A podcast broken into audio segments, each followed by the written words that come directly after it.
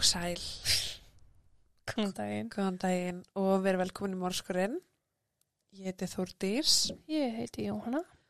og rétt í byrja þá ætla ég bara að minna á samstarfsaðilan okkar, Scrub Daddy Mm og við erum með afslutakóða morskurinn inn á scrubdaddyisland.is sem að veitir ykkur 15% afslátt. Jöp, umhverfisvætt og það þrýfur ekkert betra. Sturtun ykkar. Take my word. Já, en ég ætla þá bara að byrja í dag. Betsy Faria var ein fjögra stúlna fóruldra sinna. Hún var útrásagjörn og hafði gaman að því að vera með í öllu sem hann gekk á. Það var alltaf mjög gaman að vera í kringum hana. Á fullorins árum var hún mjög náinn fóruldrum sínum og systrum sínum. Eh, Þegar hún var yngri starfa hún sem plötusnúður og var bókstala þekkt fyrir að vera djammari. Ok, Hún elskaði tónlist og fólk laðaðist að henni, bara úr öllum áttum. Já. Í lok ás 1990 var hún einstæð móðir tveggja dætra, Líu og Maríu. Hún var með stuðning frá fjölskyldu sinni og var í raun bara ekkert að leita sér að maka. Hún var bara mjög sátt með sitt líf. mm. Þrátt fyrir að hafa ekki verið að leita sér að maka, þá kynntist hún hins vegar Russell Faria, eh, kallaði Russ, og þegar þau byrjuði að hittast þá virtist allt vera að falla á sinn stað. Russ var mannblendin og hress, hann var með skemmtilegan húmor og elskaði að fá vini sína til að hlæja. Hann tók þátt í fjölskyldunum hennar og tók dætur hennar undir sinn vendavæng á nokkura vandræða. Og þau voru í raun bara fullkomin saman. ok. Þau komu sér bara vel fyrir í Troy í Missouri, þar sem að þau byggu og ól upp dætur sínar. Ok. Í janúar árið 2000 urðu þau hjón, þau áttu farsælt hjónabanda mestu en það var smá tími sem þau skildu um stund. Þau gáttu unni sig í gegnum það og þegar þau koma aftur saman var samband þeirra sterkara en nokkru sinni fyrr. Í janúar árið 2010, þegar tíu ár voru liðin frá hjónabandinu þeirra, þá fenguðu slæma fréttir. Betsy hafði greinst með brjóstakrabbamein. Hún var hins vegar staðrán í að vinna bug á því og fór í brjóstnám og í kjölfarið í livjameðferð. Eins mikið hún gat þá hjælt hann upp í venjulegri rútínu sinni, hún var virk og spilaði tennis hvena sem tækifæri gafst. Ári eftir meðferð hennar var Betsy laus við krabbameinið. Hún var tilbúin til að leggja baratu sína við krabbamein að baki og halda áfram lífið sem hún hafði barist fyrir. Til að fagna því skipulöðu Betsy og Russ skemmti siglingu um Karabíhafið með allri fjölskyldinni. Því miður var svo hátíð skamvin. Því í óttubér árið 2011 fór Betsy í skoðun og komst að því að krabbameinið hafði breyðist út í lifurina. Oh, Það var ólæknalegt og ekkert sem að læknar gáttu gert fyrir hana. Í besta falli átt hún þrjú til fimm ár eftir ólifað.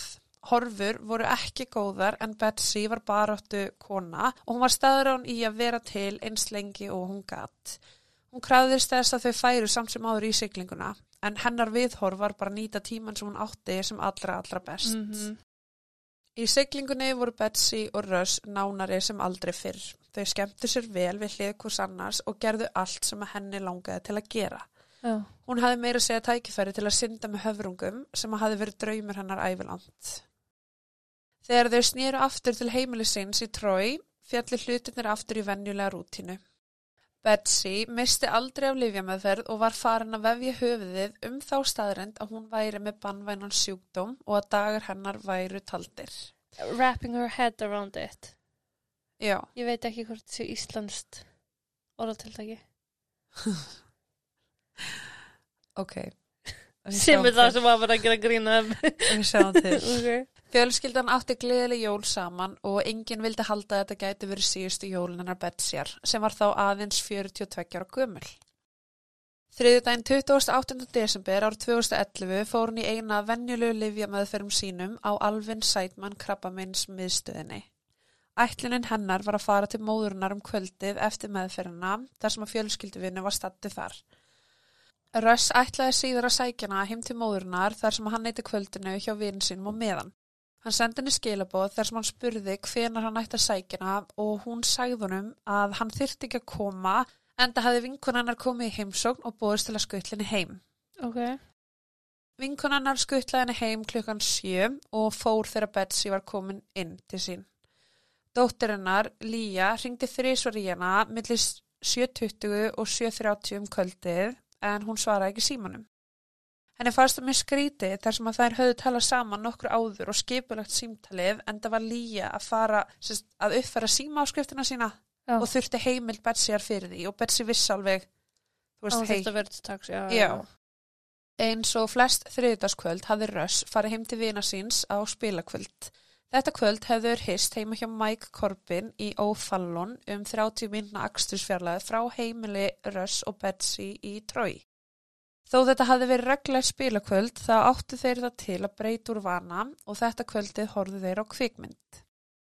Einn af vinum Russ viðkendi síðar að kvöldi hafði ekkert verið það sérstakt að þetta hafi raun bara verið frekar leiðilegt kvöld Mm. þeir voru bara að horfa á kvikmynd og ætlu sér uppröðlega að spila og hættu við það. Mm. Russ yfirgaf heimili Mike rétt eftir klukkan nýju.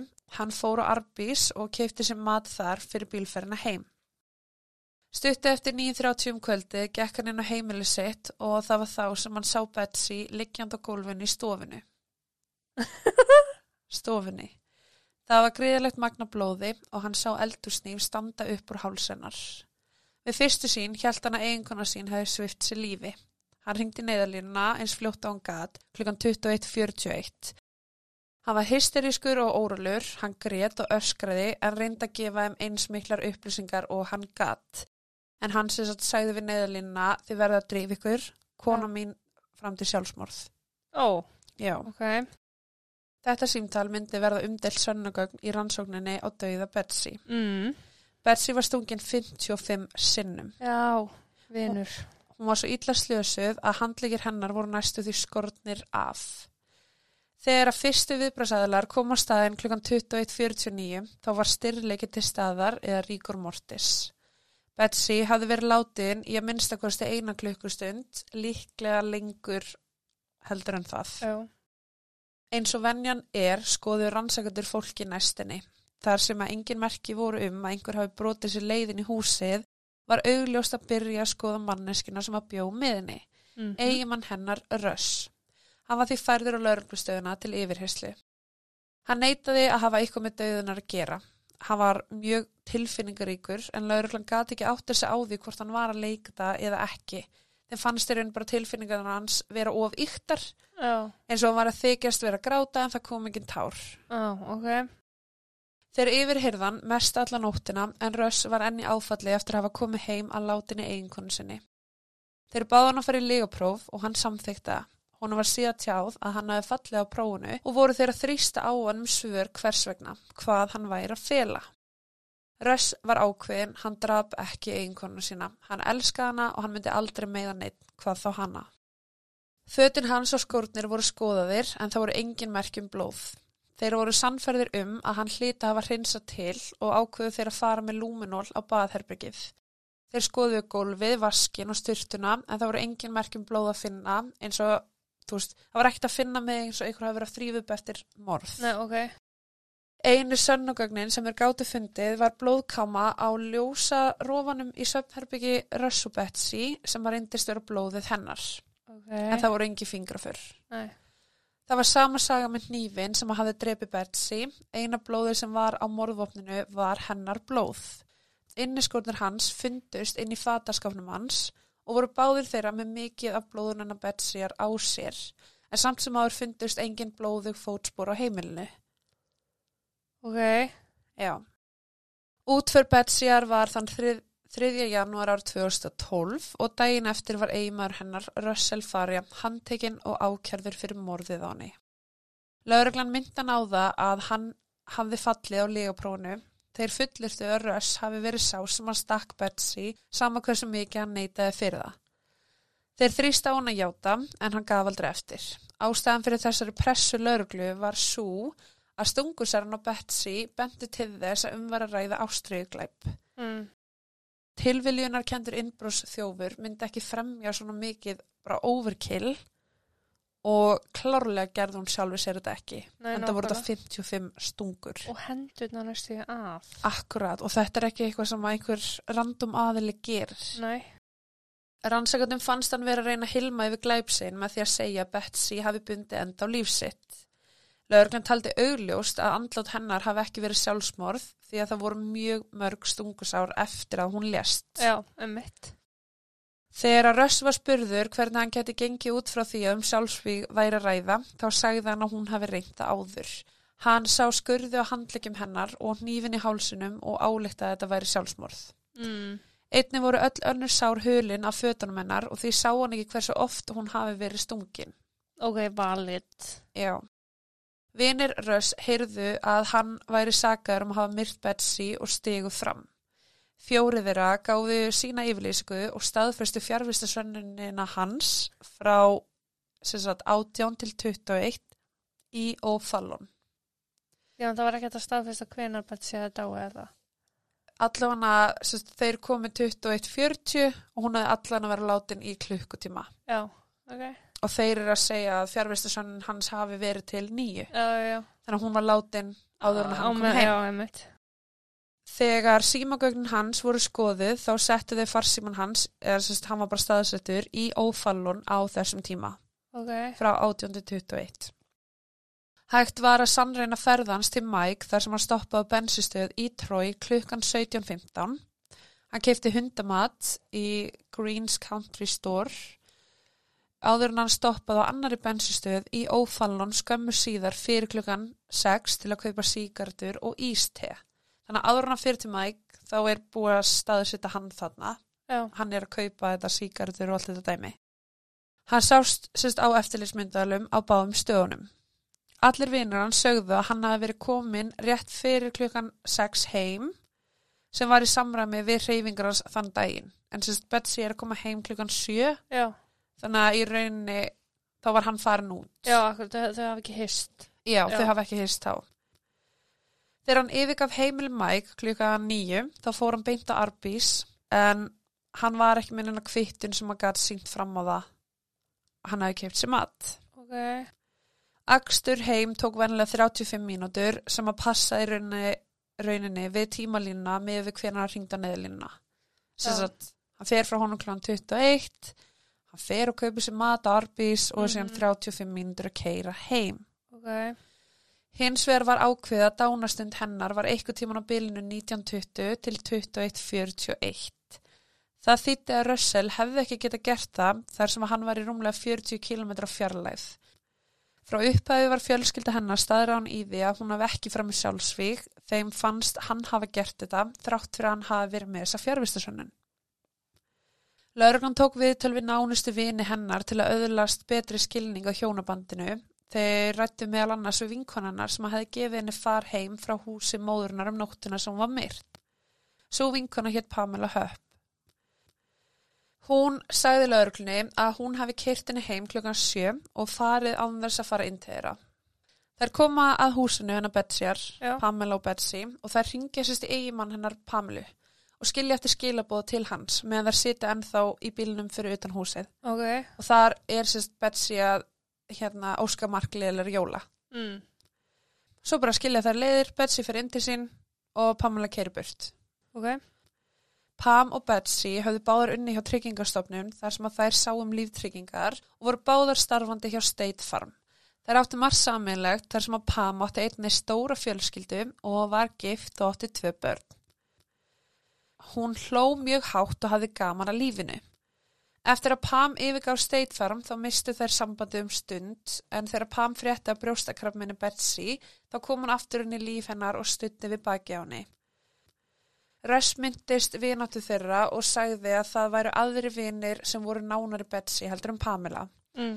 Þær voru báðar mjög ofvirkar týpur og gerðu það sem að þær gátu til að hjálpa öðru fólki.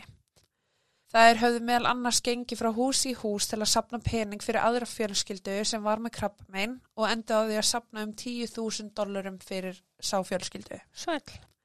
Vegna þess að Betsy hafði mikið á sinni könnu með veikindin sín, þá stjórnaði Pam öllu sem að tengdist þeirri fjáröflun. Pam stutti Betsy gegnum brjóstakrafminnið og satt með henni þegar hún fór í lifjameferð. Hún var hérna bara, þær voru ekkit bestu vinkonur, en þegar hún frétt hún var að koma með brjóstakrafminnið aftur, Já, hormætt. þá var hún bara, herði, ok, ég ætla að hjálpa þér í gegnum þetta. Þegar rannsakatur rættu við hana um samband Russ og Betsy þá sagði hún að Russ væri ekki góður maður. Hann hafði talað um hversu mikla peninga hann myndi eiga eftir að Betsy myndi deyja. Betsy hafði líka sagt henni að Russ hefði gefið henni geiturreit að drekka á einhverju tímpunkti sem var mjög skrítið á litin. Þegar hún tók sopaði þá bragðast það undarlega og hún spýtti því út.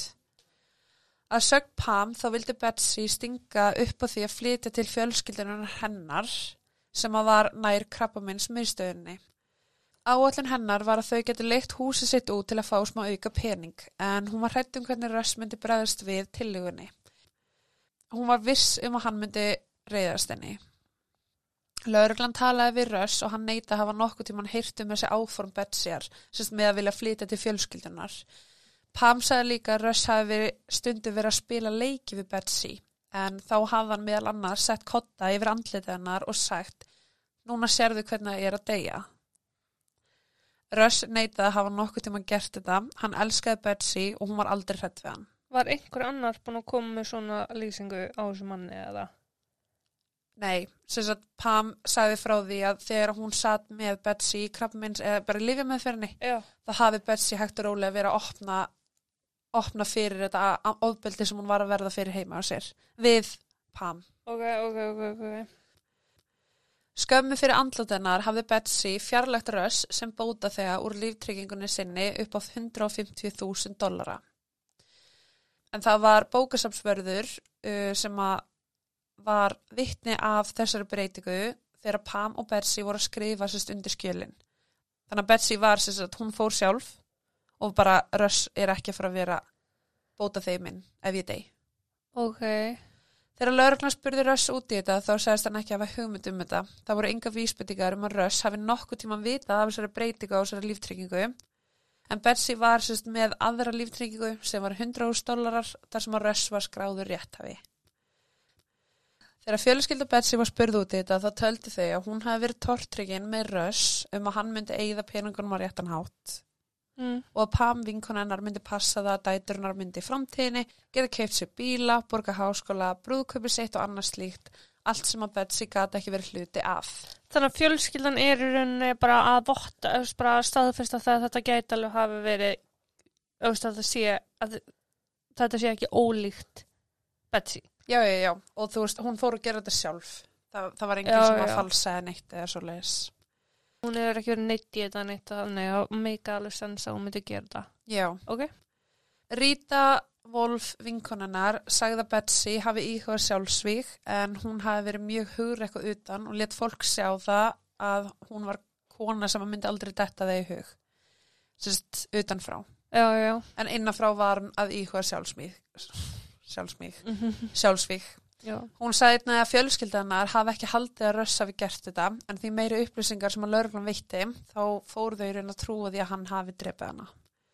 Rita sagði að Betsy hafi leitað til sín og spurt hvort hún gæti verið bóta þegar líftryggingarinnar sinnar.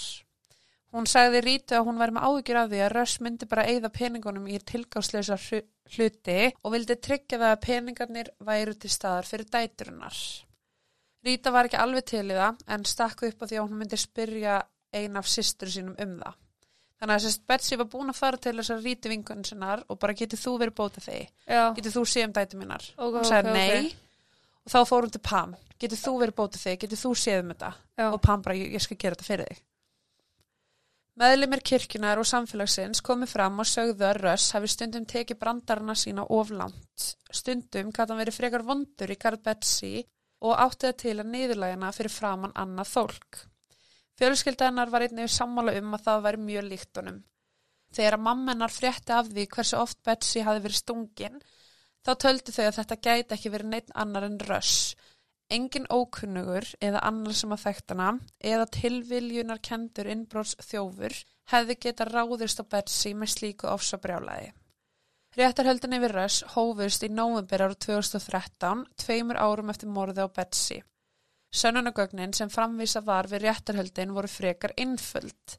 Vinir hans gáfunum fjárvistasönnun og tali var að svo staðreind að það var svo mikið af sönnunagögnum um hvar hann var um nóttina og þegar eiginkon hans lést að það myndi sanna það að hann var að búa þetta til. Að það væri sérst allt saman uppspunni fjárvistasönnunin. Já, Það var sterklega gefið í skinn að vinir hans væri að hjálpunum og voru samsærismenn í morðun á Betsy en það var í raun aldrei lögð fram ákjara á hendur þeim.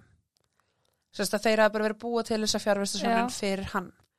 Staðrendinnar voru þær að Betsy ætlaði að segja honum eitthvað sem að hann hefði líklega ekki vilja heyra, að hún vildi að þau myndi flytja inn til fjölskyldu hennar. Hann hlaut að hafa brjálast vegna þessara frétta og stungi hana aftur og aftur og aftur og þess vegna var blóð á inniskónum hans. Dómnefndin rætti í fjóra klukkustundir. Í fyrstu kursu 6 af 12 manns sekt og hinn er 6 saklaus. Þannig að það er raun 50-50. mhm, Eftir frekari umhugsun voru fjóru til viðbútar sannfærður um sektir hans sem var þá 10 á móti 2. Kviðdómurinn sagfældan fyrir morð þrátt fyrir að hann hafði staðfarslega haldið í fram að hann hafði ekki geta gert þetta og sagði frá því að hann hafi verið með fjárvistar sönnun. Hann var fundið sekur og dæmdur í lífstíða fangelsi og var fjölskylda Betsyar mjög ánæmi niður stöðuna og fannst réttlætinu hafi verið fullnægt. Kviðdómur kom fram eftir rétturhöldin og sögðu, og sögðu þau frá því að þau hafa ekki keift fjárvistasönnuna hans röss. Þeim fannst hún vera æfð og virtist ósönn. Dómnefndin sá einni blóðlítu inniskona hans sem sönnagagnið sem hann neldan. Með svo mikið að stungusárum virtist morðið hafa verið persónulegt. Það var bland af reyði og ástríðu sem að fóri árásina og var það ynginni fyrir rofnun á nánu sambandi eins og milli eigimanns og eiginkonu. Eða sérst bara ástríðugleipur. já, Verjandi Russ, Joel, var sterklega samferður um sakleysans og óskaði eftir því að vera skipaður sérstakur saksóknari svo hann geti fundið manneskuna sem að raunverulega myrti Betsy. Hann var handviss um að vinkona hennar, Pamela Hupp, hefði eitthvað með þetta gera. Dómarinn úrskurðaði að hvið dómnum væri óheimilt að segja frá öðrum sem að hefði mögulega geta verið grunaður aðili. Sess að þú mætir ekki fyrir dóm og eru að dæma röss og svo ertu að segja frá öðru vitt eða sérst öðrum sem geti mögulega verið. Í rauninni snýst bara þessi dómur Réttarhöldin er um þannan mann og engan annan, já. þú veist, er þetta röss eða ekki? Og þá getur þú ekki koma að presentera að þú veist, já en þessi eða þessi. Það eru bara rauk af hverju hann gerði þetta og rauk af hverju hann gerði þetta ekki. Já, þá- að, þá þarf fyrst að dæma, nei þetta er ekki hann. Mm og þá er þetta að finna eitthvað annað. Já, já, Sönnunagögnin um að Betsy hafi breytt líftryggingaskirtinu sínu í Pam á dögunum fyrir morðið voru aldrei lögð fram fyrir dómstól. Þegar kviðdóma komst að þessum upplýsingum voru þeir reyðir, þeir voru handvissir um að þeir hafi dæmt mann í lífstega fangelsi án þess að vita allan sannleikan. Sumir höfðu samband við fjölmiðla og tjáðu þessu um þetta bara að þetta væri svívirðing við þá. mm Að, sérst, að þeim hafi raun, kviðdómur hafi í raun bara fengið 70% af sönnugögnunum -hmm. bara öll sönnugögnin sem var bara röss, röss, röss, röss, röss en ekki setja 30% sem að ókei kannski eitthvað annað Þetta er náttúrulega bara svona, það er búið að hægræða þannig að niðurstöðna séu X. já og þeir voru náttúrulega ekki sátt með þetta því þeir eru raun að senda manni lífstíðar fangelsi og vildi náttúrulega bara vera með reyna samvisku Nákvæmlega. Í umsókt sinni um að áfrýja dómnum listi Joel, lögfrængur Röss, yfir grunnsendum sínum varandi Pamelu. Hún hafði gefið margar misvísandi staðhæfingar sem að fjekk hann til að velta því fyrir sér hver þeirra var sönn ef einhver af þeim varða. Í fyrstu sagði Pam við rannsakandur að hún hefði skuttla Betsy um sjö og hún hefði ekki farið inn í húsið. Setna sagði hún að hún hefði farið inn og Betsy hafi kveikt ljós að ganginum. Símaskrár síndu að Pam ringdi Betsy klukkan 7.27. Pam sagði að hún hefði ringt frá heimilinu sinu í ófallon til að segja Betsy að hún sé komin örug heim. Það var hins vegar engin sem að svara í símtælinu. Farsimagögnin að Pam síndu fram á að hún var í rauninni í gagstaðri átt, norður af Trói, þar sem að heimili Russ og Betsy var þegar hún ringdi þetta símtal, sem að segja okkur það að hún var í rauninni nánast fyrir utan húsið þegar hún ringdi til að láta vita að hún væri komin heim, en hún Já. var aldrei komin heim. En nei. Daginn sem að Betsy var myrt sendi Pam henni SMS og bauði henni far eftir lifja meðferðina. Betsy leta hann að vita að hún væri heima hjá móður sinni og að vinur hennar myndi skutla sér heim. Að fjölskyldi vinur. Mm Vinurinn, Bobby, var í raun gömur barna Pia Betsyar og var partur á fjölskyldinni. Pam hunsaði þessi skilaboð og í raun bara byrtist heima hjá móðurinnar. Betsy er til mikillar undrunar. Mhm. Pam hjælti fram að hún hefði aldrei fengið skilabúðin hennar en símaskrá síndu fram á hún svaraði henni og skrifaði bömmir. Nú, ok. Á endanum var hún þarna og Betsy ákvað því bara að fá þar með, með Pam fyrst hún var mætt á Já. svæðið. Það kom líka í ljós að peningarnir sem að Pam og Betsy höfðu sapnað fyrir fjölskyldu krabbmennsjúkra, 10.000 dollarar, voru aldrei afhendir áfram. Pam átti að hafa gert það, einni vissi fjölskyldan ekki af þessari söfnun og að sjá jólakort fjölskyldunar á flægir þar sem að byði var um peninga, Mm þeim, þau voru bara, hva, hvað er þetta? Já, meitt. Það var einnig merkileg uppgötun að Pam var rekin úr tveimur störfum á þeim árum sem hún starfaði í líftryggingar yðnaðinum þar sem hún var gripin við að falsa undirskriftir. Hún hætti að vinna ára 2010 og krafðist örorkubóta vegna verka í hálsi, baki og fótleikjum eftir að hafa dotti á skjálaskáp í vinnunni. Pam er mjög mikil prímadonna Ok. og hún er alls ekki típan sem að Sem ég er að sjá fyrir mig núna kannski. Já, hún er, sk- sko, hún er ekki típan til þess að vera að hugsa vinkonu sinna nema að fá eitthvað í staðinn. Ó, ok. Já. Dægin eftir andlat Betsy hafði Pam sagt lauruglunni að líftryggingin hennar hefði verið breytt í hennar nafn svo hún myndi sjá til þess að dætur Betsyar myndi fá peningin og það hafi verið hennar ósk, sem að er alveg rétt. Betsy bað um það. Ok. Rannsakatur lögðu til að Pam myndi stopna sjóð fyrir stúlkunar sem að hún gerði. Sest, að hún myndi búa til sjóð og peningurinn er komin í hús og hann myndi farin á sjóðin fyrir stelpunar. Já. Vikum eftir að Russ var dæmdur fyrir morð ára 2013 þá tók hún að alla peningana úr sjóðstelpnana. Mm. Í júli árið 2014 breytt hún sögur sinni í skýslutöku lögreglu og sagði að Betsy vildi ekki að dætur hennar, systur eða móðir myndi fá peningana. Pam hafði þá tilfinningunni að peningarnir voru ætlaðir henni og henni einni. Þannig að hún tók 100.000 dollara tilbaka og sagðist hafa nota 50.000 dollara sem eftir voru til að hjálpa 12 ára dóttur annars vinar sem að hefði látist úr krabbameini. Þegar hún var undir eið svarin þá viðkynnti hún að hafa í raun ekki gefið stúlkunum peningana en hún á minnstakosti hugsaði um það. Já, hugur sem gildur allt það. Já. Þegar lauruglan spurði hana hvort hún hefði drepið Betsy fyrir peninga þá sagði Pam að hún þyrfti ekki að peningum að halda. Hún sagði það ljóst að móðurnar væri að minnstakosti hálfrar miljónar dollara virði sem að myndan loku renna til hennar þegar hún loksins leti lífið. Loksins. Já. Ef hún vildi drepa eitthvað fyrir tryggingafé, þá væri það veika á aldra móðurnar sem að væri miklu auðvildari skotmark heldur en hinn lífsglæða Betsy. Þremi mánuðum síðar lést svo móðurinnar. Já. Já.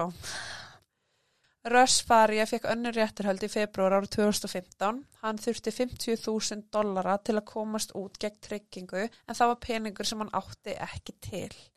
Fjölskyldi hans og vinir söfnuðu fjármunum og var hann látið laus úr fangelsi á meðan hann beigði síðari réttarhaldana.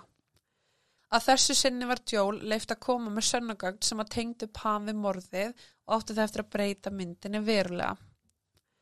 Nýr vittnesspurður var kynntu til leiks. Lauruglumæður myndist þess að hafa séð vatn í baðkarnu daginn sem að morðið átt sér stað. Sér þýtti að Röss hafi líklegast hreinsað til eftir sig. Það stangast á við fyrri niðurstöður um að engin merkja að verið um vatn eða blóð í baðarbygginu. Við endur upptökum málsins vittnaði CSI starfsmæður Amy sem að hafði unnið að vettfangi á farja heimilinu að blóðmynstrið á inniskum röss líti ekki út fyrir að hafa komið við átök. Það var mikið blóð á gólfinu en hann stegi ekki neitt blóð. Henni grunaði því að blóðið hafi verið sett á inniskona áður en að þeir voru faldir í skápnum. Já.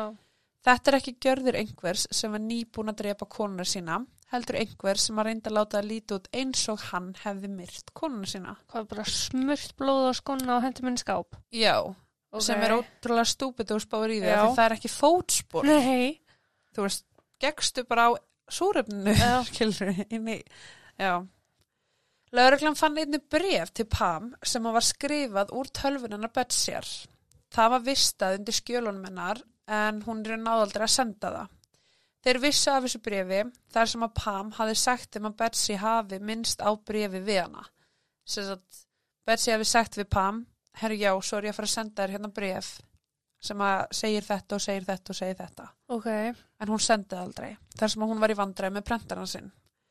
Pam kallaði þetta fyrst tölvupóst og leiður þetta sig svo og sagði þetta væri sérst bara skjál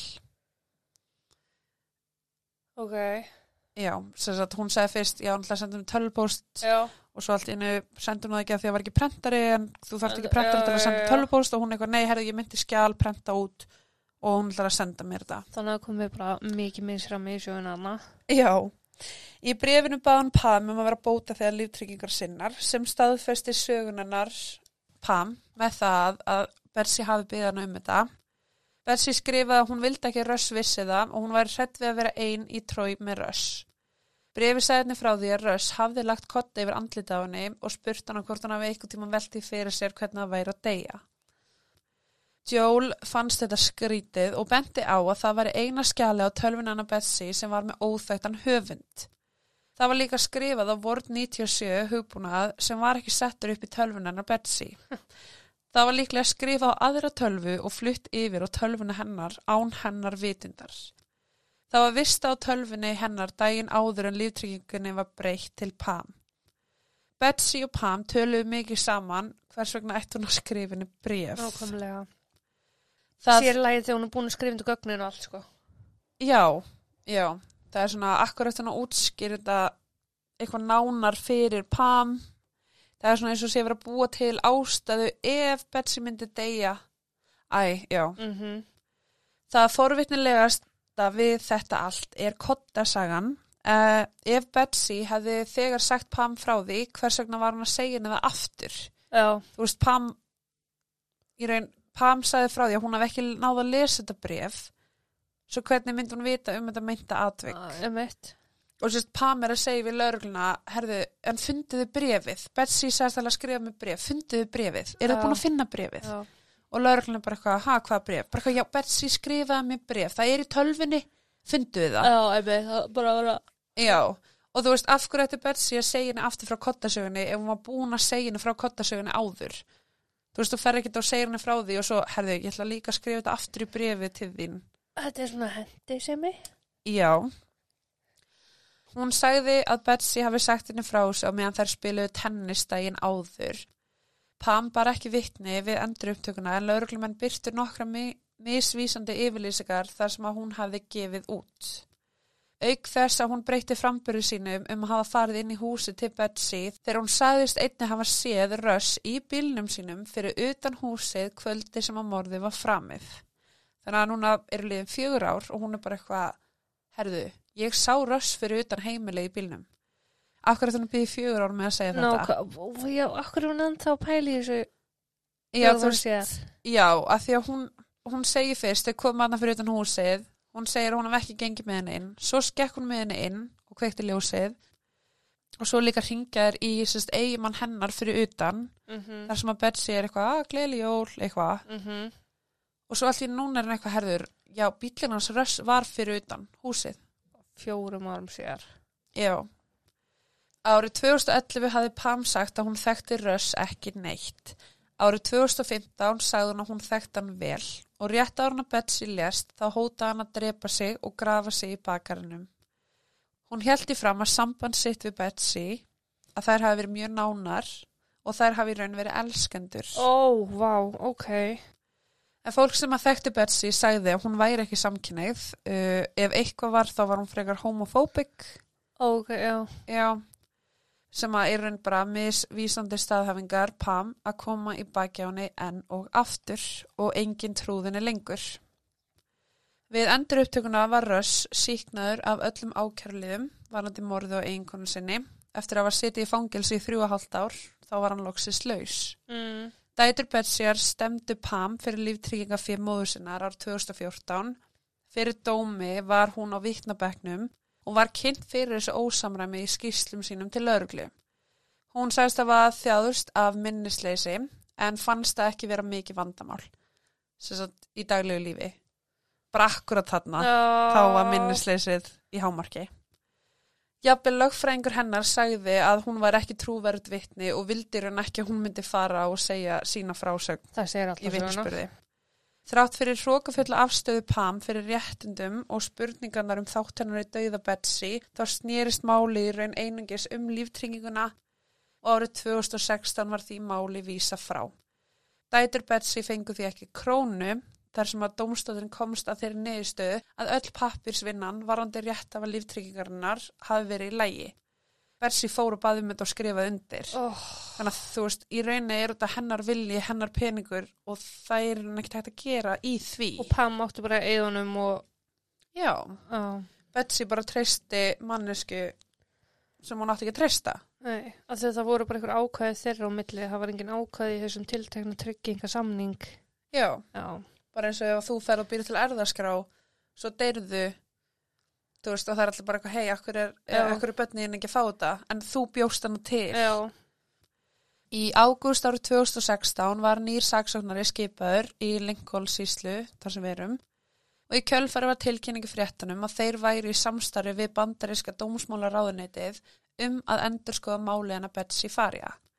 Sérst, núna er enginn sem situr inni fyrir morða á henni. Röss var síknar og ekkert með Pam. og ég vona að hann hafi fengið eitthvað viðandi bætur maður Jep. Nokkru dögum síðar ringdi Pam í neyðalínuna og sagði frá því að hún hafi skoti mann í sjálfsvörn sem að hafi brotist inn í húsið hennar.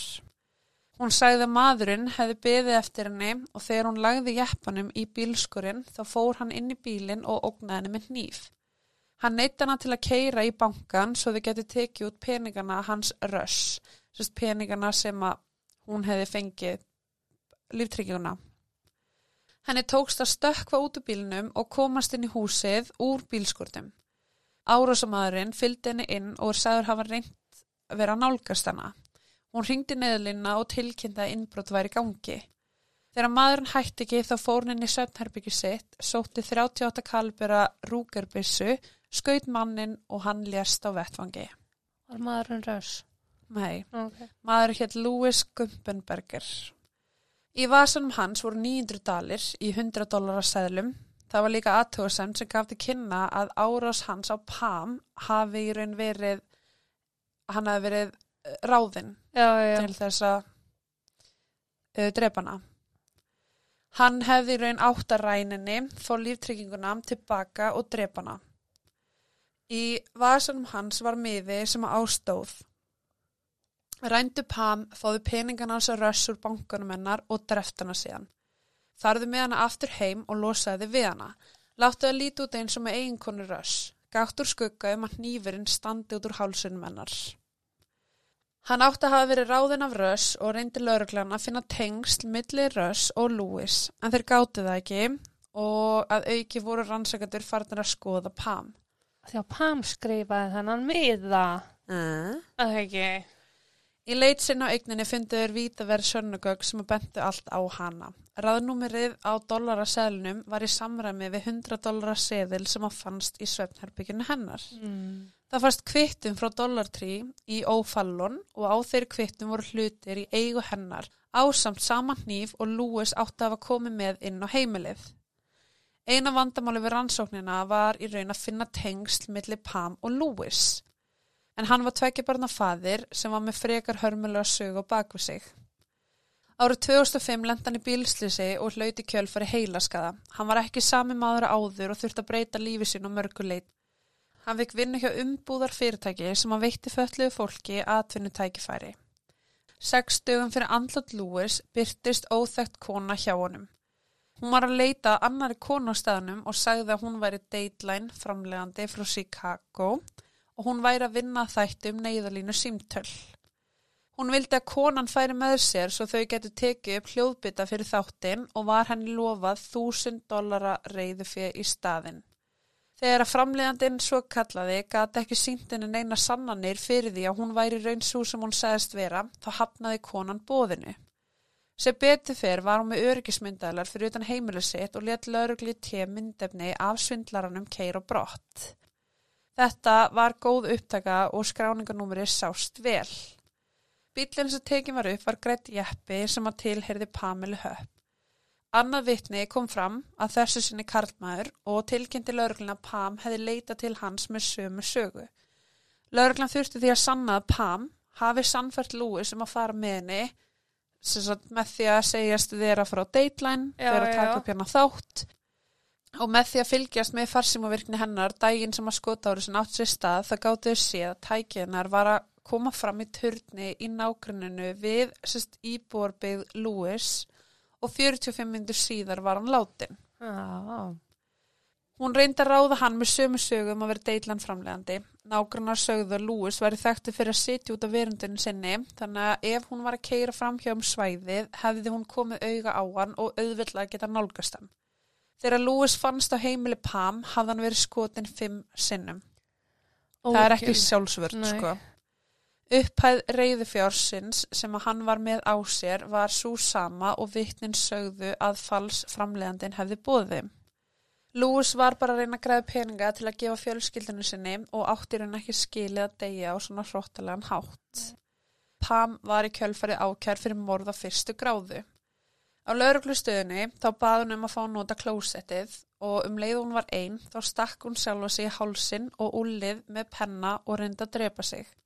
Pennin í henni sveipaði mikið til hnífsinn sem að fannst í hálsi Betsy en ólíkt Betsy þá lifði Pam af og var raun sett í einangrun. Henni var bara ekki terrist Nei. til að vera kringum súrefni.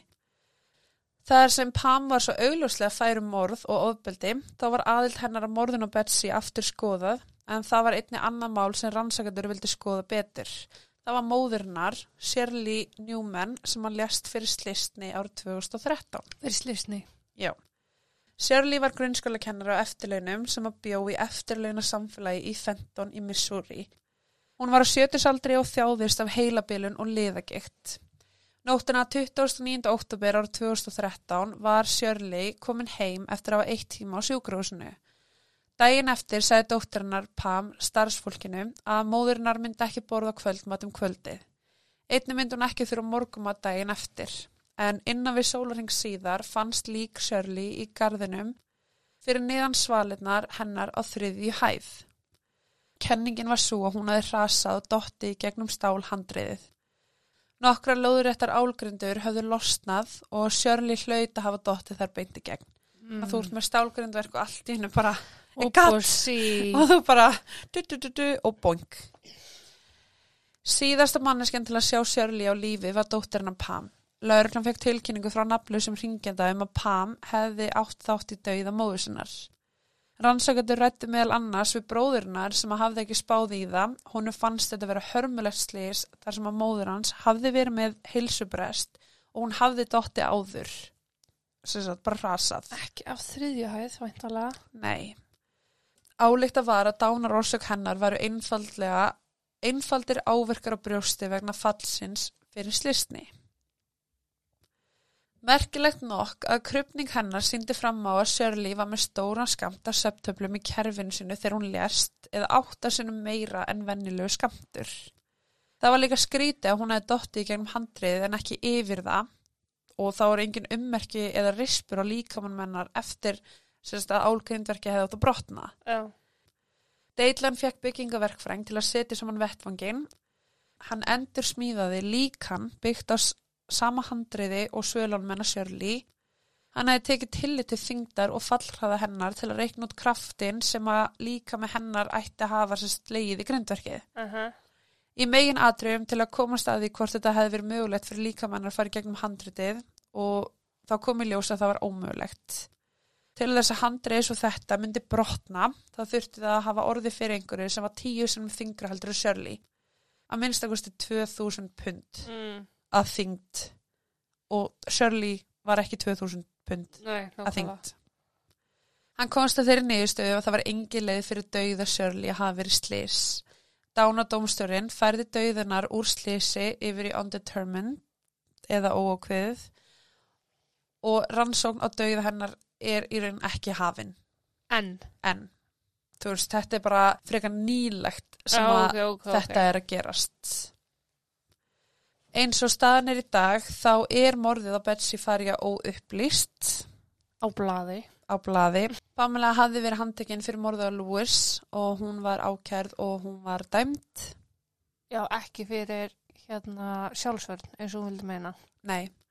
Og sagt, þeir vildu meira segja fá dauðadóm fyrir hana Ókei. vegna þess að hún sagt Lewis var náttúrulega bara maður með heilabilun Já. og hún þetta er talið eins og, já, talið verið hrottaleg að hún skulle hafa tekið hann til að þókna sjálfi sér og í Já. raun það var ekkert, engin tilgangur, ekkert mótif á baku við þetta nema bara það til að sanna að Röss væri Mhm. sem sagt að hún er ennþá að reyna að gera það móður hans Lewis hún til dæmis kærði hana fyrir bara wrongful death Gott hjá henni. það fór í gegn þrjár miljónir og í februar 2022 þá hefur svo fjölskylda ekki fengið rónu frá Nei. Pamilu e, maðurinn annar Mark hann baði um skilnað og sagði bara að þau geta ekki lengur verið gift í mars 2022 þá skildu þau að lokum Pamela er til dæmis búin að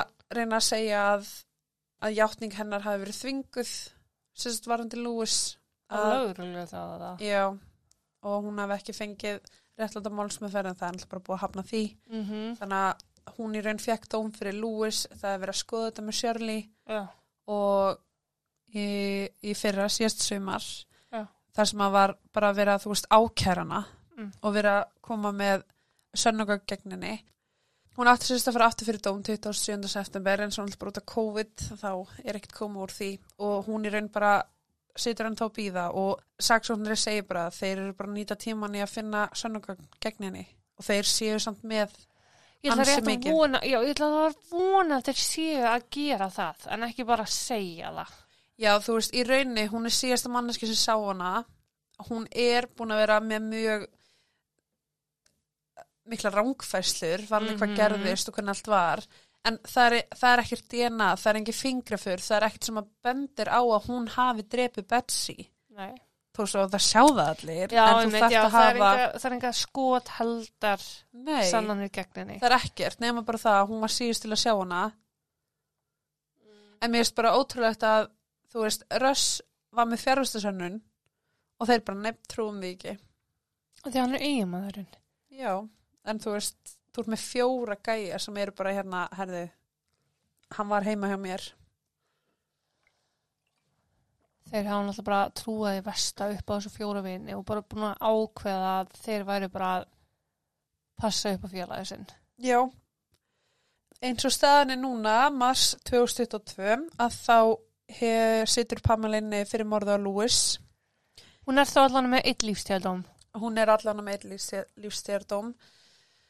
Þannig að ég hef lítið sem ekkert við þetta bæta. Ég held að þetta sé, ég hef alltaf eitthvað að segja. ég held að þetta sé hérna, uh, oft er gríðaleg hérna stereotýpa búin til á mótingum. Uh -huh. Hann passa svolítið ekki mjög vel við þá ímynd. Já, Heldur hún verið sagkvæld fyrir þetta? Allan að þú sem mömmu svona. ég veit það ekki. Þú veist, það er ekki hægt að dæma fyrir undetermined döðstaga. Þú getur ekki dæmt eitthvað fyrir Já, svepp, já, já, ok, en þú veist, Þannig að Shirley kannski er átt og verður ekki dæmt fyrir hana. já, Ég allan að hef ekkert við þetta bæta. Þannig að ég segi þá bara takk og bless takk og og bless. það er til næst.